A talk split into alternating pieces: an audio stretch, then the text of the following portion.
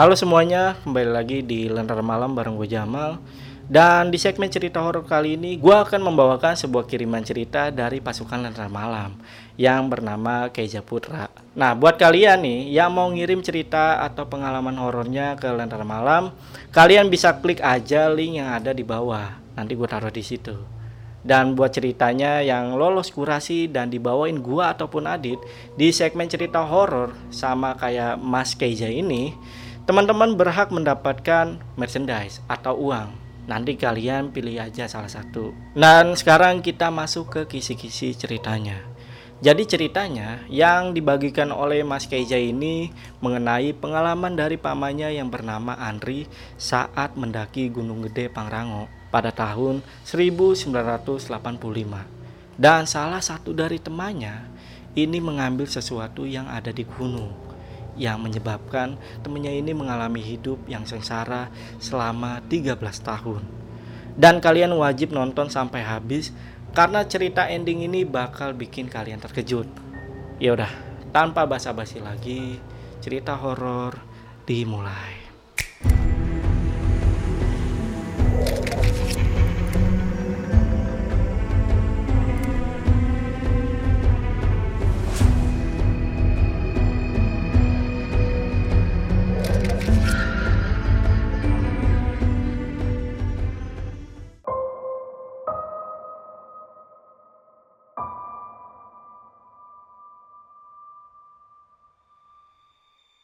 Agustus 1985 berawal dari sekelompok pemuda-pemudi di Kampung Andri yang mempunyai ide untuk merayakan hari kemerdekaan 17 Agustus di lapangan Surya Kencana Gede Pangrango. Dulu di Kampung Andri mempunyai grup pencinta alam yang diberi nama Nirwana yang beranggotakan 30 orang. Dan pada tanggal 15 Agustus 1985 diputuskanlah mereka akan memulai pendakian. Sampai tiba di hari H, Peserta yang mengikuti pendakian hanya 12 orang saja. Dikarenakan peserta di kampung Andri sebagian sibuk dengan pekerjaannya dan berbagai alasan lainnya sehingga tidak bisa mengikuti pendakian. Singkat cerita, pada tanggal 15 Agustus berangkatlah ke 12 orang anggota ini termasuk Andri. Sekitar jam 6 pagi para peserta sudah berkumpul di salah satu pos kamling yang berada di kampung mereka. Andri dan kelompoknya memutuskan untuk mendaki di pagi hari.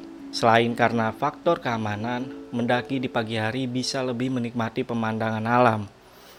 Setelah semuanya siap, sekitar jam 7 pagi berangkatlah rombongan Andri menuju jalur Salabintana. Mereka baru pertama kali mencoba mendaki ke Gunung Gede Pangrango melewati jalur Salabintana. Biasanya mereka menggunakan jalur Cibodas atau jalur Putri untuk naik ke Gunung Gede Pangrango. Sebelum mereka memulai pendakian, mereka membentuk lingkaran untuk berdoa bersama agar selalu diberikan kelancaran dan keselamatan selama mendaki sampai mereka turun kembali. Dan setelah semuanya selesai sekitar jam 8 pagi, dimulailah pendakian.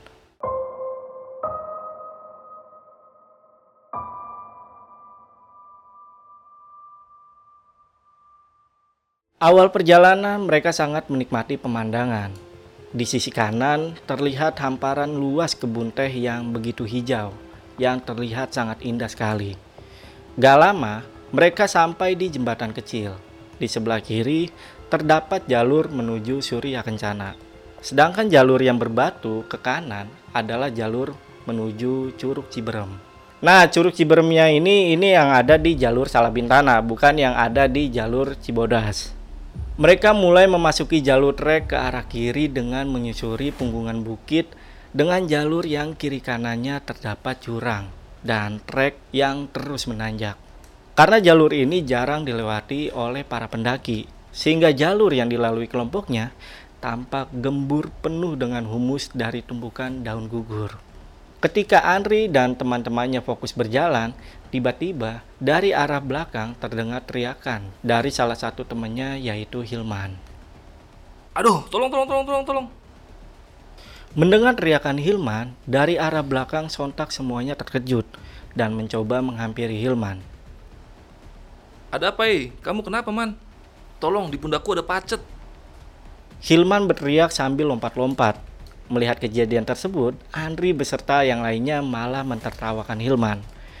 Karena melihat tingkah Hilman yang seperti anak kecil, Andri kemudian membantu Hilman mencabut pacet yang ada di pundaknya.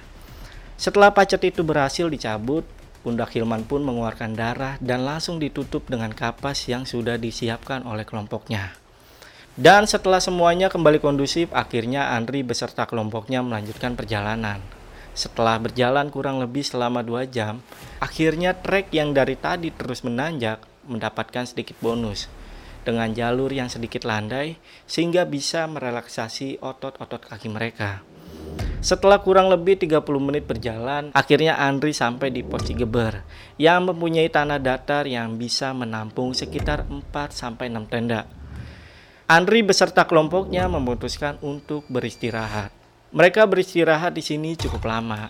Setelah kurang lebih 30 menit mereka beristirahat, akhirnya mereka melanjutkan perjalanan menuju shelter Ciletik dengan jalur menurun yang ke arah kiri. Terdapat punggungan bukit dan mereka kembali berjalan menanjak dengan trek yang sangat sempit.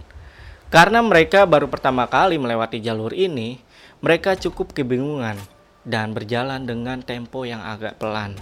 Estimasi mereka tiba di shelter Ciletik sekitar jam 12 siang. Namun perkiraan mereka meleset. Semua ini disebabkan oleh jalur trek yang terus menanjak yang membuat sebagian teman-teman Andri mengalami kelelahan. Terlihat dari beberapa temannya Andri yang tadinya ceria, sekarang tampak seperti hilang semangat yang membuat suasana menjadi sepi. Selama perjalanan, Andri beserta kelompoknya sama sekali tidak bertemu atau berpapasan dengan pendaki lain. Di jalur ini cukup sepi, bahkan Andri dan teman-temannya beranggapan jika hanya kelompok mereka saja yang melewati jalur tersebut.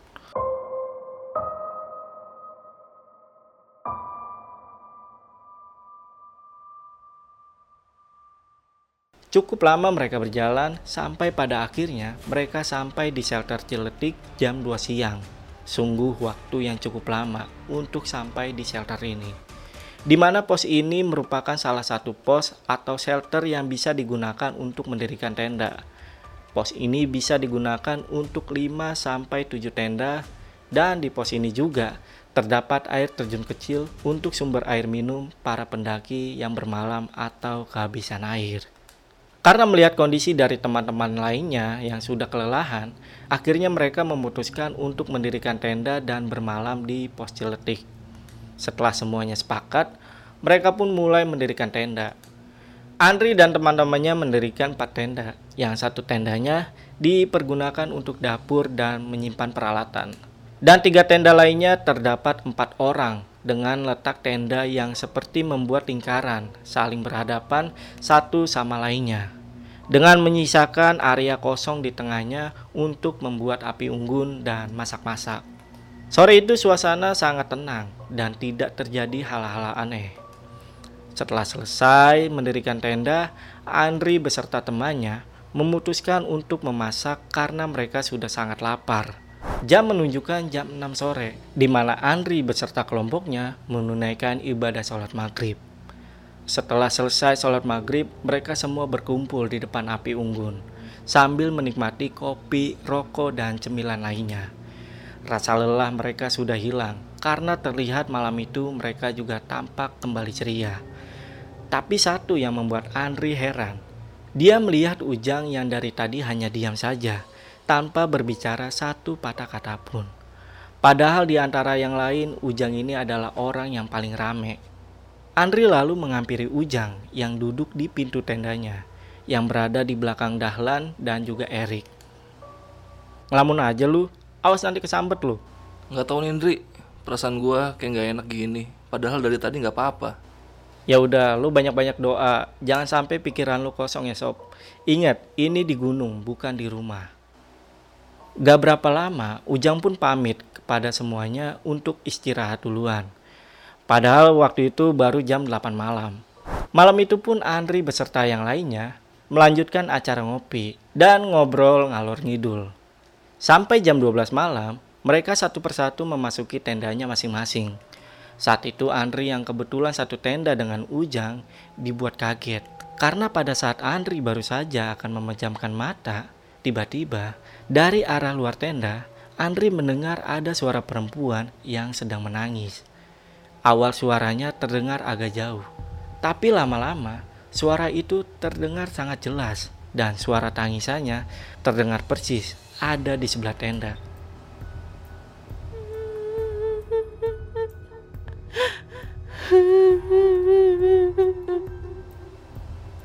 Saat itu Andri sangat ketakutan. Namun Andri tidak bisa berbuat apa-apa. Karena untuk berbicara saja, Andri merasa berat. Andri mencoba membangunkan Dahlan yang berada di sampingnya, tapi tetap gak bisa. Karena tubuhnya tiba-tiba terasa kaku untuk digerakkan. Andri mencoba berdoa sebisa mungkin di dalam hatinya, namun suara tangisannya tidak juga menghilang. Andri semakin dibuat ketakutan ketika melihat ke atas tendanya seperti ada sepasang tangan yang menyentuh atap tenda. Gak cuma sampai di situ aja. Tiba-tiba, resleting pintu tendanya terbuka dan ada sosok kuntilanak yang masuk ke dalam tenda dan menampakkan wajahnya tepat di atas badan Andri yang membuat Andri saat itu seketika pingsan.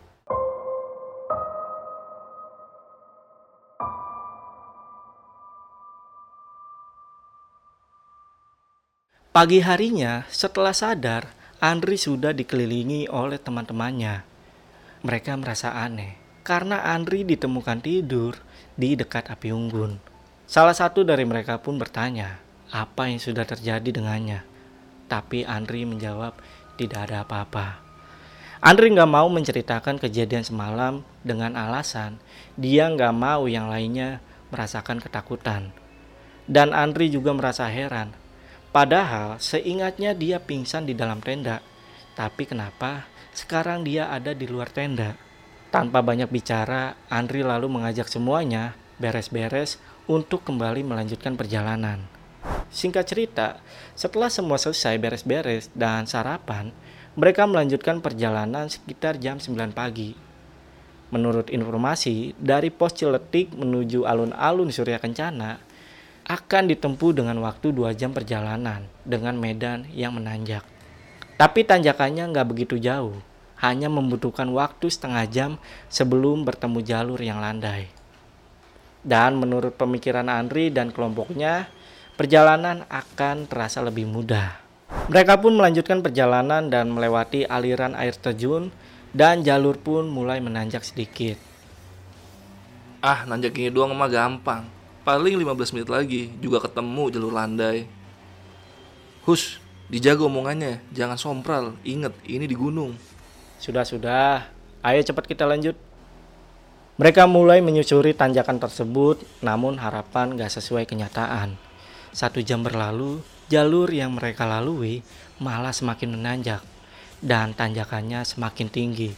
Bahkan, mereka sempat berujar jika trek Salabintana ini adalah jalur yang terberat selama mendaki ke Gunung Gede Pangrango. Bahkan terkadang jalurnya berubah, seperti parit sempit yang terus menanjak. Dua jam berlalu, di sini semuanya sudah terlihat sangat tersiksa. Bahkan salah satu dari mereka berujar dengan nada yang sedikit emosi. Gila, gila. Informasinya cuma 100 meter. Lah ini udah lebih dari 1000 meter kali. Mana jalurnya nanjak terus, nggak ada bonus-bonusnya lagi. Ya nih, parah banget. Tahu gini pakai jalur Cibodas saja. Saat itu Andri juga merasa sedikit emosi karena baru pertama kali muncak ke Gede Pangrango dengan trek seberat ini. Waktu semakin berlalu, saat itu jam sudah menunjukkan jam 2 siang. Andri dan yang lainnya sudah mulai kehilangan energi, seiring dengan perut mereka yang sudah merasakan lapar. Gak lama, mereka sampai di jalur berbatu yang sangat licin dan sedikit becek. Dengan sisa-sisa tenaga mereka terus menyusuri jalur berbatu. Dan gak lama, tampak tanjakan sedikit berkurang.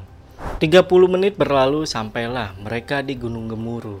Dan menurut informasinya, mereka harus mengambil jalur yang ke arah kiri. Mereka pun dibuat cukup senang karena trek atau jalur kali ini menurun dan dengan sedikit bahagia, mereka bersemangat lagi. Tepat jam 6 sore, akhirnya mereka sampai juga di alun-alun Surya Kencana. Sejenak rasa lelah, peluh, marah, dan hingga kecewa seketika hilang. saat melihat pemandangan surya kencana.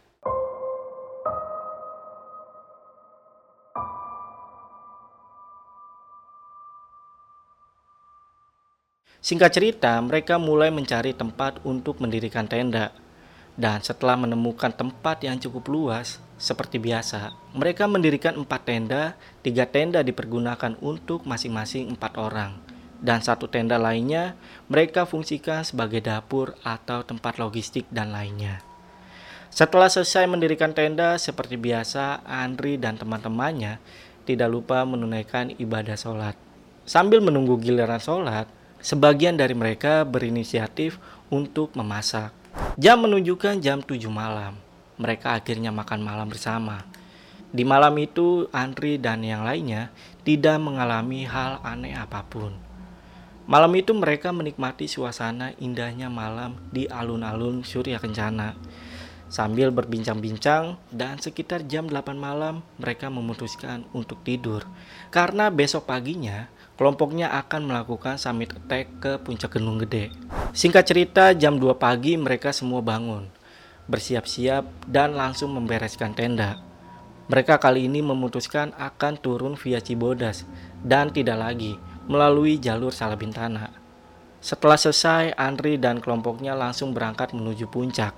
Selama perjalanan summit attack dan sampai ke puncak, mereka tidak mengalami hal aneh apa pun. Hanya saja dua orang dari kelompoknya mengalami kram, tapi tetap masih bisa melanjutkan perjalanan. Sekitar jam 5 pagi akhirnya mereka sampai di puncak Gunung Gede. Sejenak mereka semua sama-sama menikmati keindahan puncak Gunung Gede. Saat itu di atas puncak ada beberapa pendaki yang sama-sama merayakan hari kemerdekaan di atas puncak. Niat mereka tadinya ingin merayakannya di alun-alun Surya Kencana, tapi setelah melihat para pendaki lain, akhirnya mereka bergabung dengan para pendaki lain dan bersama-sama menyanyikan lagu Indonesia Raya. Setelah selesai mengikuti upacara, sekitar jam 10 pagi mereka memutuskan untuk turun melewati jalur Cibodas. Selama mereka turun, tidak ada gangguan apa pun yang mereka rasakan. Sampai mereka tiba di kandang badak, dan memutuskan untuk istirahat sejenak, Ujang yang dari tadi kebelat buang air kecil, dia langsung mencari semak-semak. Gak lama, Ujang berlari menghampiri teman-temannya. Woi, sini ikut gua. Lu kenapa, Jang? Emang ada apa sih sampai lari-lari begitu? Ya udah makanya, sini buruan ikut gua. Akhirnya sebagian dari mereka yang penasaran mengikuti Ujang untuk memastikan apa yang dimaksud olehnya. Setelah sampai di tempat Ujang buang air kecil tadi, dan Ujang menunjukkan sesuatu apa yang dia maksud. Nah ini yang gue maksud bro. Wah keren banget. Bunga apa itu? Kok kita baru lihat? Mereka semua dibuat takjub ketika menemukan bunga seperti bunga mawar, namun memiliki diameter yang agak lebar. Dan yang bikin mereka lebih takjub, di mana bunga itu mempunyai warna merah marun di bagian atasnya. Sedangkan di bagian bawahnya, bunga itu berwarna hitam pekat. Saat itu Ujang tetap bersikeras untuk memetik dan membawa pulang bunganya. Tapi teman dan yang lainnya mengingatkan dan melarang Ujang untuk memetik atau membawa bunga tersebut. Namun tanpa sepengetahuan Andri dan teman yang lainnya, Ujang memetik dan memasukkan bunga tersebut ke dalam keril miliknya.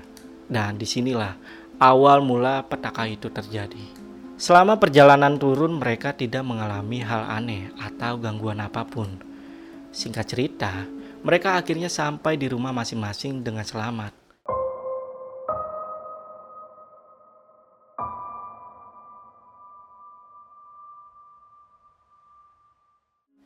Tiga hari berlalu, salah satu sahabatnya Andri, yaitu Ujang, mengalami hal aneh, di mana Ujang sering kali mengalami kesurupan.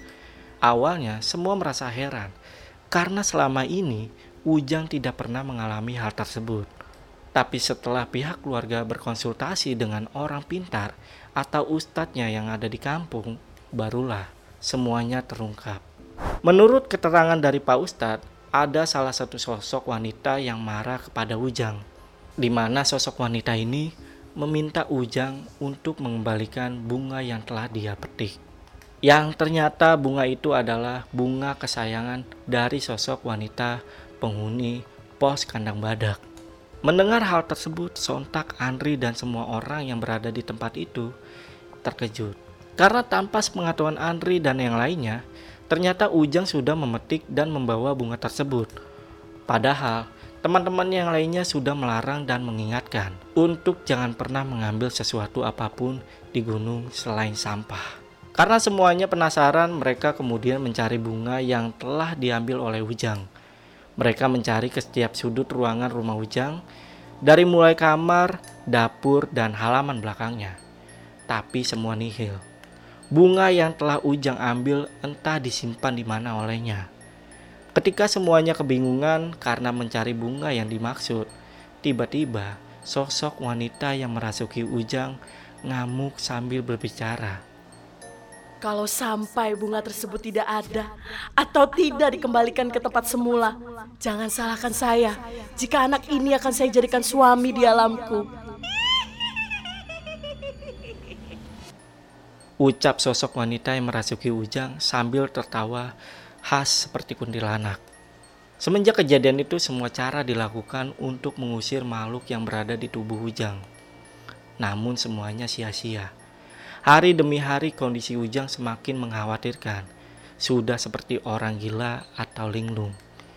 Pihak keluarga sudah merasa bosan dan putus asa untuk mengobati Ujang.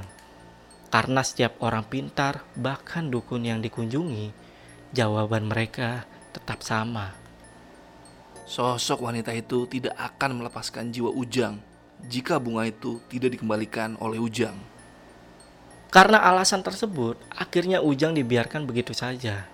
Terkadang Ujang sering tiba-tiba mengamuk, dan gak jarang juga Ujang terlihat bicara sendiri, seperti sedang berbicara dengan seseorang, tapi entah dengan siapa. Hanya saja, ketika Ujang berbicara, Ujang sering mengucapkan kalau dia ingin pulang dan memohon ampun. Kejadian itu berlangsung sampai Ujang berumur 34 tahun. Jadi saat pertama kali Ujang mengalami kejadian tersebut, Ujang, Andri, dan teman-teman lainnya masih berusia 21 tahun. Yang di mana penyakit yang dialami oleh Ujang didiamkan selama 13 tahun. Nah menurut Andri, Ujang sempat sembuh saat usianya menginjak 35 tahun. Saat itu keluarga, teman, dan para tetangganya ikut merasa senang. Tapi setiap siapa saja yang bertanya tentang bunga dan apa saja yang dialami oleh Ujang selama 13 tahun, Ujang selalu menjawab tidak tahu. Singkat cerita, Ujang pun berangsur membaik dan sudah dipastikan kalau Ujang ini sudah normal kembali. Ujang kembali menjalani aktivitas sehari-hari, yang di mana Ujang biasanya nongkrong dan berkumpul dengan teman-teman yang lainnya. Sampai di suatu hari, Ujang merasa bosan dan ingin bekerja. Karena Ujang saat itu tidak memiliki jasa, akhirnya Ujang memutuskan untuk menjadi tukang ojek di kampungnya. Karena mungkin orang tuanya merasa kasihan sama si Ujang, akhirnya Ujang dibelikan sepeda motor dan mulai menjadi tukang ojek. Sampai di suatu hari, Ujang mendapatkan giliran untuk narik penumpang. Namun, rekan-rekan ojek yang lainnya sudah mempunyai firasat buruk dan sempat juga beberapa kali mereka melarang Ujang untuk menarik penumpang. Dikarenakan penumpang yang akan dibawa oleh Ujang adalah seorang ibu hamil. Tapi setelah diingatkan Ujang seperti tidak terima dan karena saat itu giliran jatah Ujang untuk narik. Akhirnya rekan-rekan ojek yang lainnya tidak bisa berbuat apa-apa. Mereka hanya bisa mengingatkan saja supaya Ujang berhati-hati membawa penumpangnya. Saat itu entah apa yang dipikirkan oleh Ujang. Menurut saksi yang berada di tempat kejadian, Ujang membawa motor terlihat melamun dengan tatapan yang kosong. Dan sampailah di suatu belokan yang berada tepat di depan kantor kelurahan. Dari arah berlawanan, muncul mobil truk pengangkut minyak tanah yang sudah memberikan beberapa kali klakson. Namun, Ujang tidak mendengarnya. Sampai tepat di belokan Ujang terkejut karena Ujang mengemudikan motornya terlalu kencang, akhirnya dia kaget dan mencoba membanting stang motornya ke arah kiri. Tapi sudah terlambat. stang motor yang dikemudikan Ujang mengenai sisi kiri dari truk, sehingga Ujang beserta penumpangnya terjatuh. Ujang terpental ke arah depan kantor kelurahan, sedangkan penumpang ibu hamilnya mengalami hal yang sangat naas. Dia terjatuh ke dalam parit atau selokan kecil yang cukup dalam yang berada tepat di sisi jalan.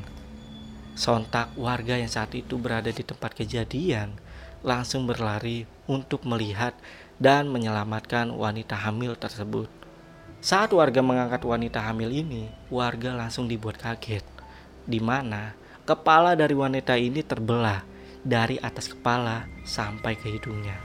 Dan yang paling membuat warga lebih terkejut lagi, saat melihat wanita hamil ini sudah mengalami pendarahan hebat di bagian bawahnya.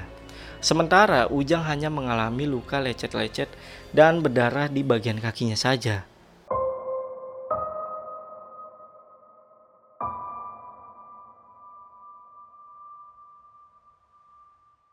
Ujang tiba-tiba kembali mengamuk gak jelas, yang langsung diamankan oleh para warga dan langsung membawanya pulang. Sementara para warga yang lainnya mencari bantuan untuk segera membawa penumpang wanita hamil ini ke rumah sakit. Gak lama, pihak dari kepolisian tiba di TKP dan mulai memintai keterangan dari sejumlah saksi termasuk supir truk. Setelah mencari keterangan dari beberapa saksi, akhirnya polisi, warga, dan supir truk menuju ke rumah Ujang. Sesampainya di sana, Ujang masih terlihat mengamuk dan sesekali meracau nggak jelas. Sampai pihak warga kembali memanggil Pak Ustadz dan ketika Pak Ustadz baru saja sampai di rumah Ujang, semua dibuat terkejut. Karena sosok wanita yang dulu merasuki Ujang kembali datang dan berkata sambil tertawa. Rasakan akibat dari kelakuan anak ini sendiri. Kalian pikir saya sudah pergi? Kalian pikir omongan saya bohong? 13 tahun jiwa anak ini saya kurung di sana. Sekarang waktunya anak ini akan saya jadikan suami saya.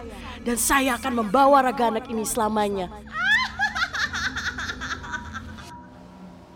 Pak Ustadz langsung menghampiri Ujang yang sedang dipegangi oleh Andri dan beberapa warga lainnya. Terlihat Pak Ustadz berusaha mencoba mengusir makhluk tersebut dengan sekuat tenaga. Namun, makhluk ini tidak juga pergi, yang membuat kondisi Ujang malah semakin parah. Seketika, Ujang kejang-kejang dengan matanya yang melotot. Dan gak lama, Ujang mengembuskan nafas terakhirnya di hadapan semua orang. Oke itu tadi cerita yang gue bawain untuk video kali ini. Dan semoga cerita yang gue bawain tadi bisa menjadi pelajaran bahwa ketika mendaki jangan pernah kita mengambil sesuatu apa pun di gunung selain sampah dan gambar. Gue Jamal dari Lentera Malam pamit. Bye.